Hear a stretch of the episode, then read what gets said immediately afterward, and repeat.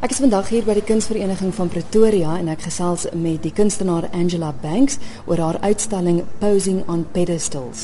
Angela, jy het ingeskryf vir die nasionale Sanlam portretkompetisie wat vanjaar vir die eerste keer plaasgevind het en jy was een van die finaliste. So portretkuns is in jou bloed, neem ek aan. Ja, dit is ek al baie van 'n portret. Dit sê baie van 'n mens. Die van ons nou kyk is nie jou tradisionele portrette nie. Dit het die figuur van 'n mens, maar hulle het almal dierekoppe. Dis Waar kom die konsep vandaan? I use the, the, the hybrid figure, which is basically made up of the human figure and an animal head. The animal head is used as a mask to portray something that the, the, the sitter or the the person wants to portray it to the public. And what lies be- behind it is, is the reality of that person, the person who, who basically wants to put forward uh, a certain persona and uh, behind it is what, you know, what he really is. So um, in the exhibition I've used um, uh, professions of power, so uh, doctors, lawyers, uh, dentists, anybody who has some sort of power over their patient or their uh, client. Um, and the pedestals are made up of um, symbolic images that, that basically uh, refer to what, what is behind the basically the uniform, you know. So um, Kom ons kyk gou na 'n voorbeeld. Daar's een byvoorbeeld van 'n koei wat 'n verpleegstersuniform aan het.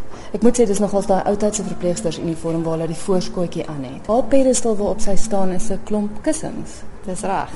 Um, she obviously because she's a nurse who she works with patients and um, they're all obviously lying in beds and that's where the, where the cushions come from. But the cushions are also used as a pedestal um, basically to cushion her fall. You know, so if she if she does something wrong, if she uh, messes up with a certain patient, or she prescribes, you know, or gives them the wrong medicine or whatever, it's it's it's basically to cushion her fall.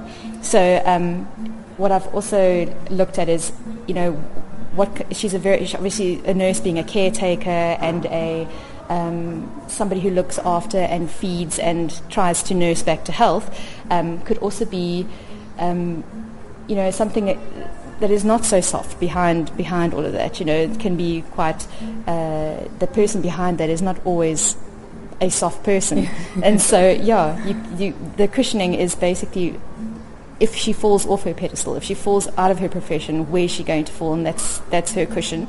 But also dealing with the, the patients who all lie on cushions and lie in beds. Um, that's where her pedestal basically comes from. Hoekom 'n koei?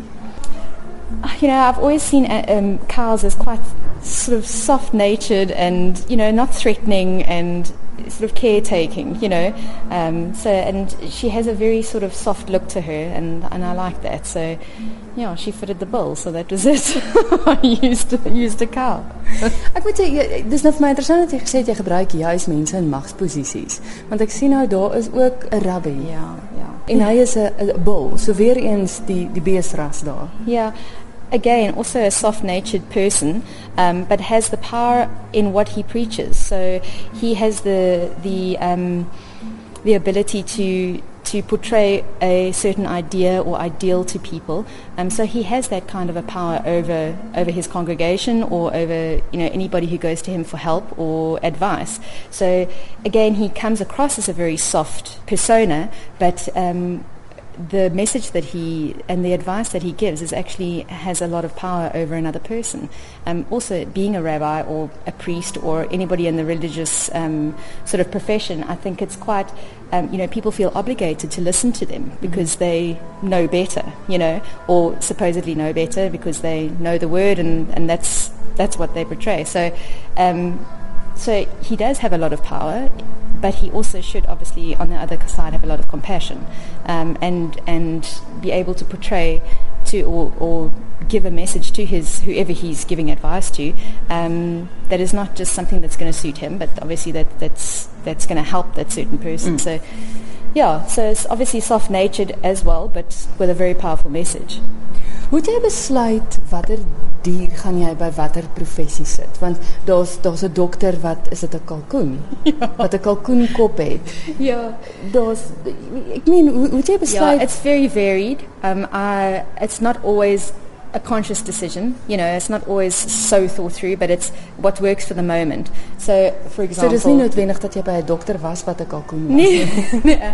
but for him, you know, I actually it it comes from personal experience as well because for example, my husband has a client who is a uh, who is a Botox uh, doctor basically, and uh, but he's actually very ugly, you know, and, and you'd think that he is he he would basically make himself beautiful, but he hasn't. His his job is to make other people beautiful, and he accepts himself the way he is, and I think it's wonderful. Yeah. Um, and th- this is where you know a doctor is obviously making everybody else better, but not necessarily looking after himself. So yeah, that's where he came from. I just also loved his, his look. I just think he looks so intelligent. you know, I think he's very cool. Daar's van die werk daar aan die kant wat wat anders is as die waarna ek en jy nou gestaan en kyk het. En dis waar jy die gesig van 'n mens van die kant af, maar dan ook 'n dier aan die agterkant. Dit is half soort van asof die masker aangeheg is. Yes. Met ander woorde jy sien die gesig en die Almost masker is agter. Ja. Yes. Um, that's exactly what it is, really, because um, I think in everyday life, every person has to put on a certain mask. Um, all these people who have who I have um, drawn are. I, I mean, I know personally, and these are their personal struggles that they're dealing with. So, for example, um, you have a, a figure looking out on the, I mean, a, a portrait looking out on the one side, and a tiger kind of attached to the back of him, and there's a, a, a sort of a net over the two of them.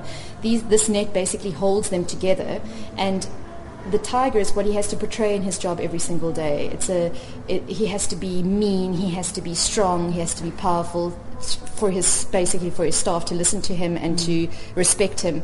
But actually behind it all, he, he doesn't like it. He's not that sort of a person at all. He's more an introvert, and he, he doesn't like to have that power. He doesn't like to portray that sort of um, that sort of persona or character. Um, he's actually a very soft person. So, so the tiger is what he has to atta- has to be every day. But actually, behind mask, he is somebody completely different. Want mens sien dit in die gesig. Hy hy Ja. kyk af onder toe Ja. en mens kan sien hy's hy's 'n introvert. Met ander woorde, dit gaan oor wat die samelewing eintlik van mens verwag om te wees ook. Exactly. It's about uh, you know public pressure. It's about pressure in your job, um, in your community, you know, with your friends. Because I mean, if you think about it, whoever you meet in the in just in everyday situations. So what do you do? You know, who are you? And your profession, a lot of the time, um, is part of your identity and defines who you are. Um, well, supposedly, you know, you don't know actually what lies behind that. So, um, so yeah, and that's basically the message that I'm putting across here is is is the is a persona that you have to basically strap on every single day to be able to survive and to be able to uh, generate some sort of uh, respect from from your peers or from your clientele or um, just from friends and family, really. You know, so that's basically what these works are all about. Vertel my gou van die medium waarmee jy werk. Um, I work in, well, these works are in charcoal, all in charcoal and pencil and paper.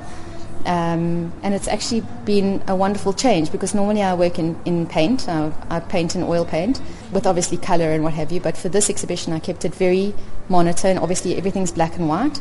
And um, it's actually been such a breath of fresh air. It's been great just to work in, in, in monotones, you know. So, so yeah, black and white basically.